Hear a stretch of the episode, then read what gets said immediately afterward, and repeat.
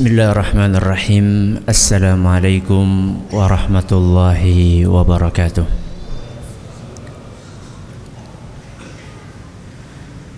الحمد لله وكفى والصلاة والسلام على رسوله المصطفى وعلى آله وصحبه ومن اقتفى أما بعد Kita panjatkan puja dan puji syukur kehadirat Allah Tabaraka wa Ta'ala.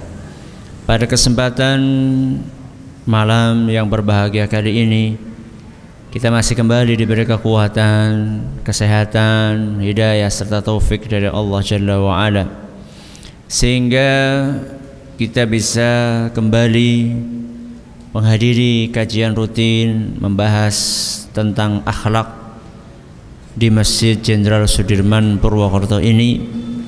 Kita berharap semoga Allah tabaraka wa taala berkenan untuk melimpahkan kepada kita semuanya ilmu yang bermanfaat sehingga bisa kita amalkan sebagai bekal untuk mengharap kepada Allah Jalla wa ala. Amin ya rabbal alamin. Salat dan salam semoga senantiasa tercurahkan kepada junjungan kita Nabi besar Muhammad sallallahu alaihi wasallam kepada para sahabatnya, keluarganya dan umatnya yang setia mengikuti tuntunannya hingga akhir nanti. Para hadirin dan hadirat sekalian yang kami hormati dan juga segenap pendengar radio Insani 102.2 FM di Purbalingga, Purwokerto, Banjarnegara, Cilacap dan sekitarnya para pemirsa Yufi TV yang semoga senantiasa dirahmati oleh Allah Azza wa Jal.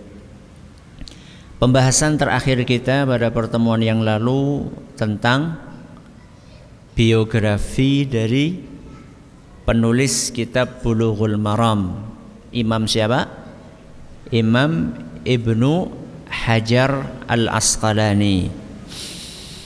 Seperti yang sudah kita janjikan, insya Allah pada pertemuan kali ini kita akan mengkaji tentang kitab Bulughul Maram. Berkenalan dengan kitab Bulughul Maram. Ini kitab apa sih sebenarnya? Pepatah mengatakan tak kenal maka tak sayang. Jadi kenapa kok kita baca kitab ini? Alasannya apa? Kok nggak kitab yang lain? Ini akan kita jelaskan pada pertemuan kali ini. Sebelum kita memasuki tema utama hari ini yaitu studi ringkas tentang kitab Bulughul Maram, kita perlu mengetahui bahwa kitab itu ada yang berbobot dan ada yang tidak berbobot diukur dari apanya? Dari tebelnya. Bukan itu, maksudnya bobot kandungannya, bukan bobot bobot kilogramnya. Ya. Uh, suatu kitab itu akan semakin berbobot karena banyak faktor. Karena banyak faktor. Mungkin isinya, mungkin kandungannya, dan lain sebagainya. Dan di antara faktor terbesar, di antara faktor terbesar yang membuat kitab itu berbobot adalah dilihat dari siapa yang ngarang dan nulis kitab tersebut. Semakin tinggi keilmuannya, maksudnya keilmuan si penulis, maka kitabnya pun akan semakin berbobot tinggi. Contoh paling gampang. Kitab suci kita. Apa itu? Al-Qur'an. Kitab suci Al-Qur'an adalah merupakan suatu kitab yang dijadikan pedoman oleh miliaran atau kalau dari zaman dahulu oleh triliunan manusia. Mereka semuanya memakai kitab ini. Mereka membaca kitab ini setiap hari. Bahkan tidak sedikit di antara mereka yang menghafal kitab ini di luar kepala. Di luar kepala tuh maksudnya apal temenan, bukan kayak kita ini. Di luar kepala maksudnya orang asing melebu maksudnya. Bukan. Di luar kepala maksudnya hafal huruf per huruf. Padahal kitab Al-Quran itu tebel nggak? Tebel. Berapa juz? Berapa juz? 30. Alhamdulillah. Minimal tahu juznya. Karena pernah ada suatu kejadian seorang ya semuanya seseorang lah uh, diminta untuk memberi sambutan di suatu acara wisuda khataman menghafal Al-Quran. Kemudian seperti biasa basa-basi tanya kepada uh, pada para wisudawan itu, Masya Allah ini sudah berapa juz hafalnya? Alhamdulillah sudah 30 juz. Oh Masya Allah, kurang berapa juz lagi? Jusnya Al-Quran aja nggak tahu 30 juz sudah rambung pak nggak ada juz tambahan lagi Al-Quran yang terdiri dari 30 juz kemudian di dalamnya ada 114 surat dan di dalamnya ada lebih dari 6000 ayat. Lebih. Ada perbedaan pendapat dari para ulama. Karena memang ada yang satu ayat dibagi dua oleh sebagian ulama sehingga terjadilah perbedaan itu. Ada 30 juz, ada 114 surat, ada 6000 ayat, lebih dari 6000 ayat. Dan di dalamnya ada 493 kata. Berapa? 77.493 kata. Berapa huruf Ustaz? Waduh. Kata Imam Mujahid rahimahullah salah seorang ulama tabi'in di dalam Al-Qur'an itu ada 320 ribu 300 20.015 huruf. Berapa? 320.015 huruf. Ya. Itu semuanya dihafal oleh banyak orang di luar kepala. Kalaupun ada di antara kita menghafal kitab selain Al-Qur'an, saya yakin tidak akan sampai sedemikian detailnya kita menghafal. Ya. Kitab suci Al-Quran, ketika akan membacanya ada etikanya. Mengawali dengan membaca Ta'awudz a'udzu billahi minasyaitonir rajim.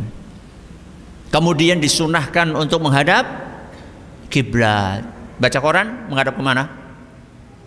Mau ke mana-mana, mau panjangan mau sambil tiduran, mau sambil nuwun sewu jegang, terserah. Tapi kalau baca Quran sambil jegang gimana?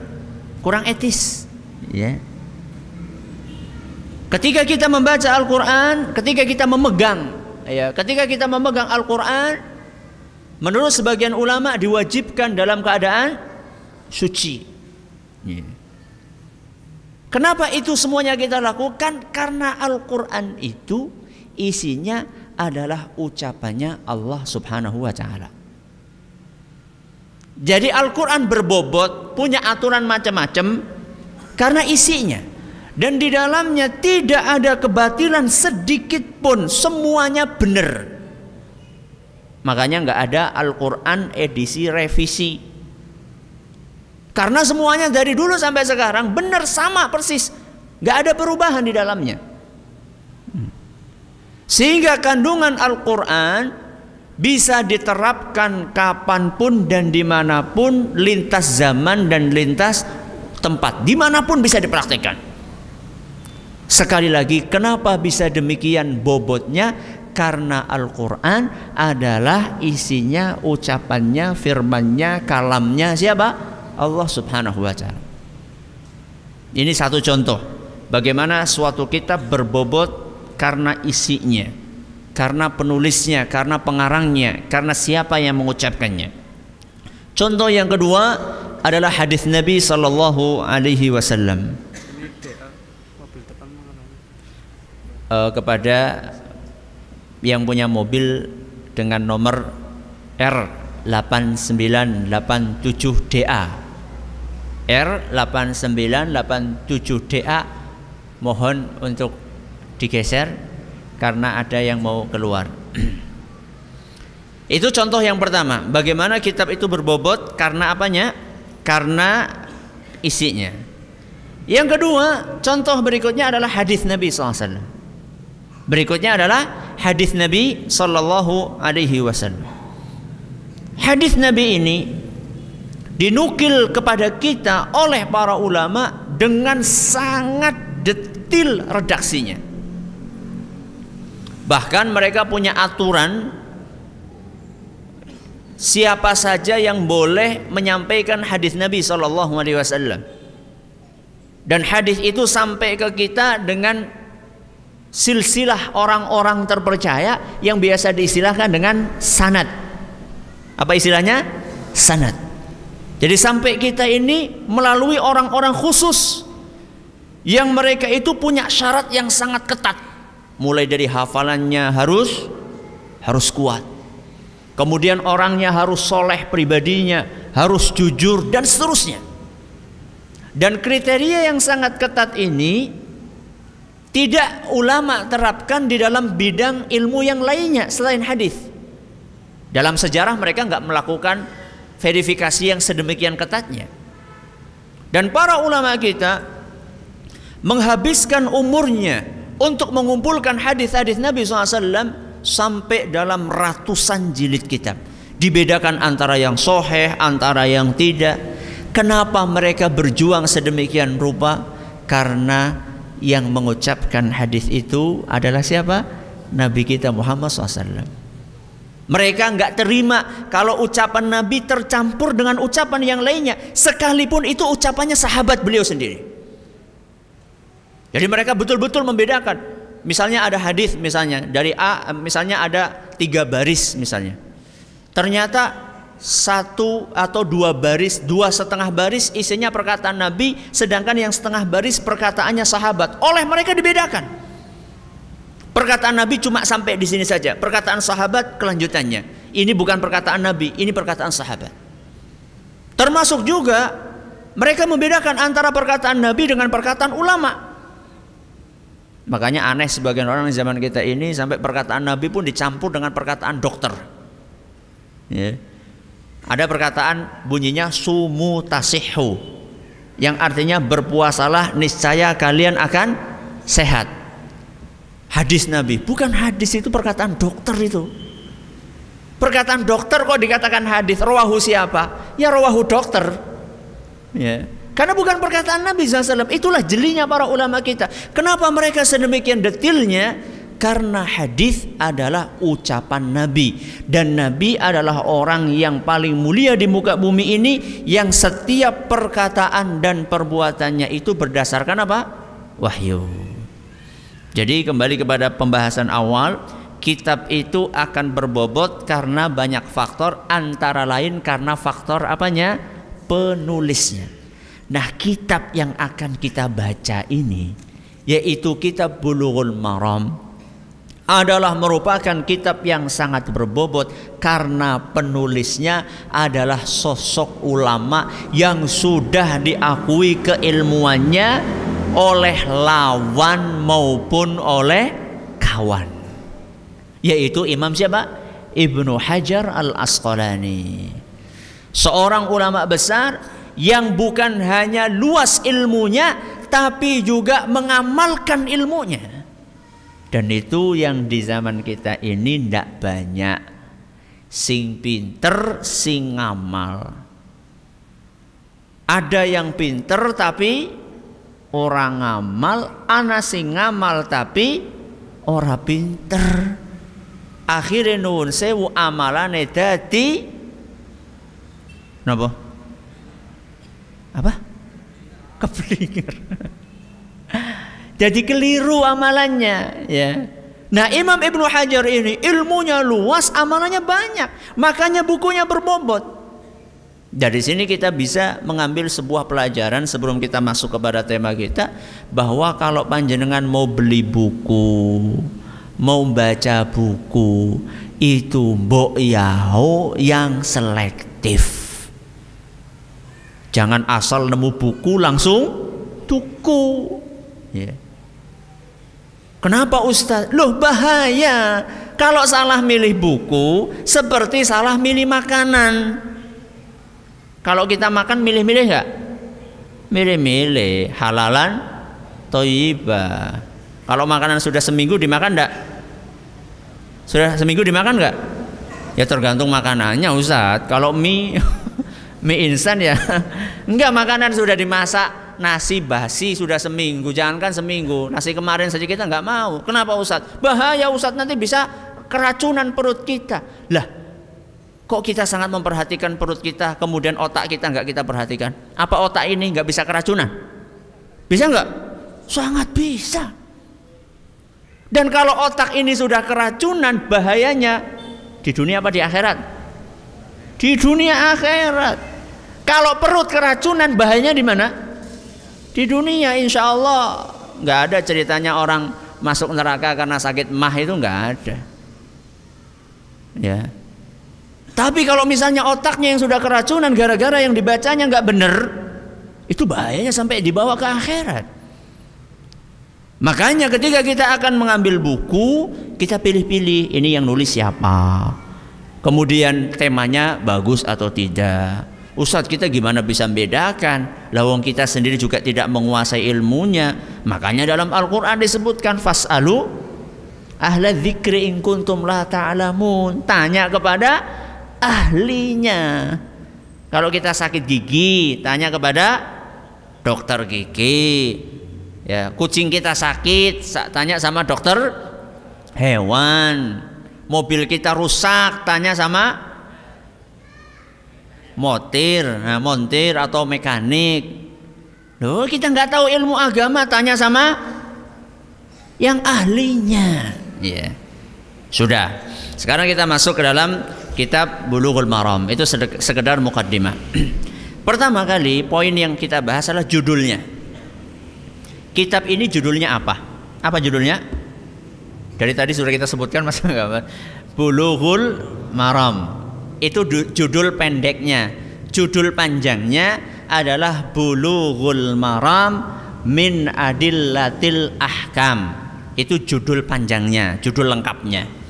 Bulughul Maram artinya apa Ustadz? Bulughul Maram itu artinya adalah mencapai cita-cita jadi artinya apa? Mencapai cita-cita, tujuan. Min adillatil ahkam artinya adalah dalil-dalil hukum fikih. Apa artinya? Dalil-dalil hukum fikih. Ini judulnya. Judul kitab yang akan kita bahas namanya apa tadi? Bulughul Maram. Apa tadi kelanjutannya? Min adillatil ahkam. Judulnya. Pembahasannya apa Ustadz? Tema pembahasannya apa? Kalau orang paham bahasa Arab, melihat judulnya langsung paham. Tema pembahasannya apa? Adillatul ahkam itu artinya adalah dalil hukum fikih. Berarti pembahasan kitab ini Bulughul Maram itu adalah fikih dan hadis. Apa? Fikih dan hadis. Fikih itu apa Ustadz? Fikih itu hukum yang kita ambil dari dalil kalau hadis ya dalilnya. Jadi ketika kita baca hadis itu kan harus ada kesimpulannya apa? Kesimpulan dari hadis itu adalah fi fikih. Fikih itu bisa disimpulkan hukumnya karena ngelihat da dalil. Dalilnya antara lain Al-Qur'an dan sunnah termasuk juga ijma dan kias. Ya. Jadi buku ini tema pembahasannya adalah fikih dan hadis ya dua bidang studi menggabungkan atau dua bidang studi. Yang pertama fikih yang kedua apa? Hadis. Kalau orang mencermati perkembangan ilmu pengetahuan Islam antara dua ilmu ini ilmu apa tadi? Fikih sama apa? Hadis. Itu terjadi semacam persaingan. Terjadi semacam apa? Persaingan antara fikih dan hadis. Dan kadang-kadang persaingan itu agak menghangat. Kadang-kadang mandan panas. Ya. Mandan dok ya, mandan. Akhirnya di antara imbas dari persaingan itu di antaranya ya dan itu bukan satu-satunya di antaranya adalah kadang-kadang kita temukan buku fikih buku fikih kadang-kadang menyebutkan hadisnya dikit di dalam jadi ada buku fikih hadisnya cuma apa sedikit kebalikannya kadang-kadang kita temukan buku hadis di dalamnya nggak nyebutkan apa fikih walaupun tidak mesti itu terjadi karena sentimen, bukan. Nggak mesti harus seperti itu. Tapi di antara penyebabnya adalah karena persaingan. Ya. Nah, Imam Ibnu Hajar Al Asqalani ini pengen mendamaikan dalam tanda kutip, pengen mengawinkan antara dua ilmu. Ilmu apa? Fikih sama ilmu hadis. Dan beliau tergolong sukses di dalam menjadi pengulu menikahkan antara ilmu hadis dan ilmu apa? Fikih. Di antara bentuk bukunya adalah buku yang namanya Bulughul Maram. Ini adalah buku isinya perpaduan antara ilmu fikih dan ilmu hadis. Bagaimana Ustadz beliau memadukan? Saya juga pengen belajar Ustadz suatu saat saya pengen mengawinkan antara ilmu ini dengan ilmu ini Ustadz. Gimana caranya? Jadi Imam Ibnu Hajar pertama beliau itu hadis-hadis Nabi dikumpulkan sama beliau. Ada sekitar uh, eh, 1358 hadis. Berapa hadis? 1358 hadis. Banyak apa sedikit? Banyak. Apa beliau hafalnya cuma segitu Ustadz? Masya Allah pakai kata cuma. Kemarin kan sudah kita katakan, Imam Ibnu Hajar itu punya gelar namanya apa? Al-Hafidh. Al-Hafidh itu adalah orang yang hafal berapa hadis kemarin? Satu juta hadis. Berapa? Satu juta hadis. Berarti yang dibawakan di Bulughul Maram itu berapa persen Ustaz? Is dihitung dewek lah ngono lah. Ya, cuma seribu sekian dari satu juta hadis yang beliau hafal. Nah beliau kumpulkan dulu hadis-hadis ini. Berarti kan beliau lagi mempraktekkan ilmu hadis. Beliau kumpulkan hadisnya. Setelah beliau kumpulkan, terus beliau susun hadisnya, diurutkan dengan sistematika ilmu fikih. Ya. Jadi hadis itu kan harus dirapikan itu disusun, diatur. Nah, ketika beliau mengatur hadis itu dalam kitabnya beliau susun hadis itu berdasarkan susunan sistematika ilmu fikih. Akhirnya beliau bisa mengawinkan antara fikih dengan apa? Hadis. Contohnya gimana Ustadz? Contohnya beliau membagi kitab ini Bulughul Maram dalam beberapa bab Bab yang pertama kalau dalam ilmu fikih pertama kali belajar fikih mesti masalah apa? Toharoh. Apa toharoh? bersuci. Ya. Yeah. Kalau orang mau ngapa-ngapain kan bersuci dulu, mau sholat suci dulu, mau haji ya, mau tawaf suci dulu. Makanya pertama kali pembahasannya adalah bab tentang bersuci. Di dalam bab tentang bersuci itu beliau bagi lagi bab ini dengan pasal-pasal. Ada pasal tentang air. Air apa yang bisa dipakai untuk berwudu Kemudian di situ ada pasal lagi tentang cara wudhu, ada pasal lagi tentang cara tayamum, ada pasal lagi tentang cara mandi. Masya Allah Ustaz mandi aja diajarin. Iya, itulah hebatnya agama kita. Mandi apa Ustaz? Ya maksudnya mandi mandi besar. Berarti ada mandi kecil ya? Ya iya. Mandi yang biasa kita lakukan itu mandi kecil. Maksudnya mandi yang kayak kinjeng gitu loh Iya maksudnya cuma mandi jebar-jebur gitu loh. Ya, kalau mandi besar itu kan mulai dari ujung apa rambut sampai ujung kaki. Ya. Dan itu ada aturannya. Ya ada aturannya itu. Nanti dibahas di dalam kitab tersebut. Kalau kita kan mandi besar sih penting asal apa? Asal kelebes gitu. Ini ada aturannya mulai dari mana dulu yang dibasuh sebagaimana praktek oleh Nabi SAW. Jadi ini kitab uh, bab toharoh, bab suci. Nanti setelah itu kalau dalam fikih setelah selesai bab toharoh, suci bersuci, maka pindah kepada bab so solat. Setelah selesai bab solat, pindah kepada bab zakat, puasa, haji. Jadi beliau susun seperti itu, kita bulughul maram beliau susun seperti itu. Bukan hanya masalah ibadah-ibadah ritual keseharian, sholat, puasa, zakat, termasuk juga beliau bawakan di sini yang kaitannya dengan muamalah keseharian, masalah bisnis, dagang, beliau bawakan di situ. Ya. Bahkan sampai hukum pidana pun beliau bawakan di sini. Jadi kalau ada orang, ya, kalau ada orang anu mukul mukul orang lain sampai giginya patah, copot. Itu dendanya berapa? Ada hadisnya. Kalau misalnya ada orang ya uh, nganu anu nempeleng terus telinganya copot. Ya copot maksud copot, ya copot setitik lah. itu berapa? Ya.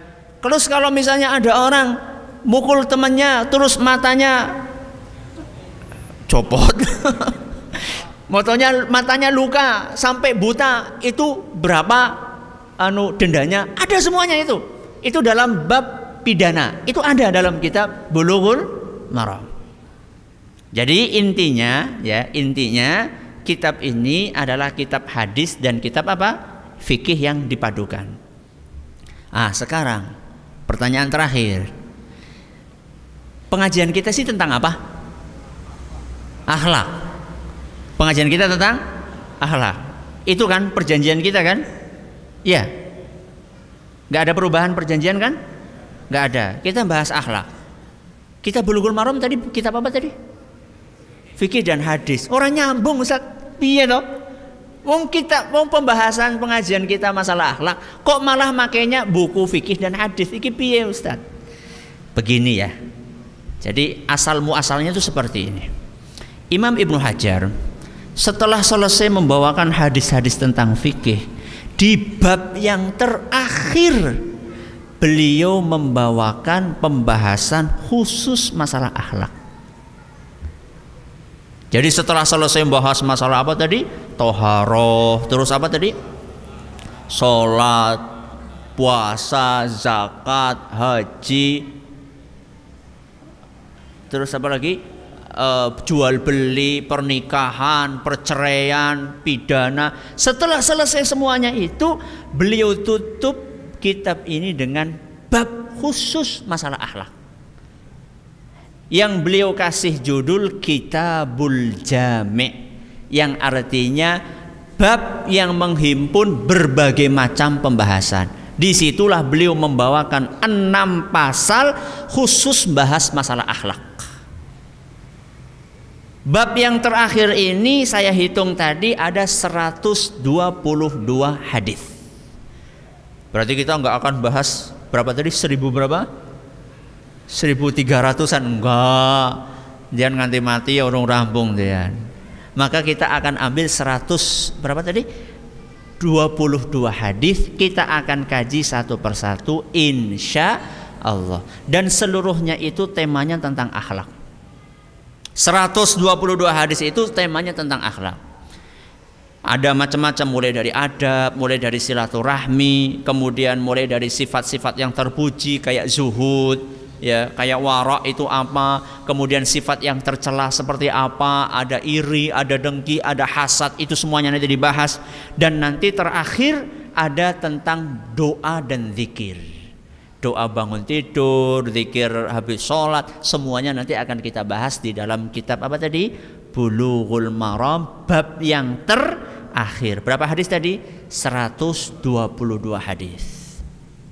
Ustaz, emangnya nggak ada kitab lain Ustaz yang khusus bahas masalah akhlak? Banyak. Kan dulu pernah kita sampaikan.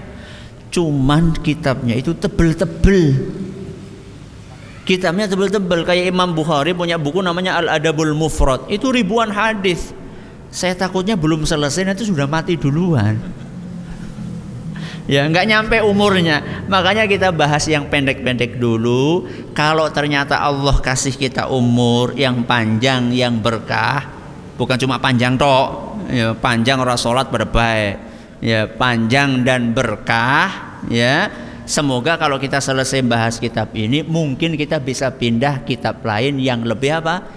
yang lebih luas yang membahas khusus masalah akhlak saja. Itu sedikit perkenalan kita tentang kitab apa? Bulughul Maram. Udah bawa kitabnya belum? Belum. Pertemuan yang akan datang kita akan bahas kitabnya. Syukur-syukur sudah pada beli. Kemarin saya tanya ke toko buku itu harganya nggak nyampe 200 ribu kok. Nggak nyampe apa? 200 ribu. Mahal nggak? Mahal. Subhanallah. Beli baju berapa? Beli motor berapa? 200 ribu itu nggak mahal. 200 ribu itu nggak mahal. Para ulama kita dulu itu ada saya lupa namanya. Beli kitab saking pengennya beli kitab itu saking sudah tidak punya duit lagi. Rumahnya dijual. Apanya? Rumahnya dijual.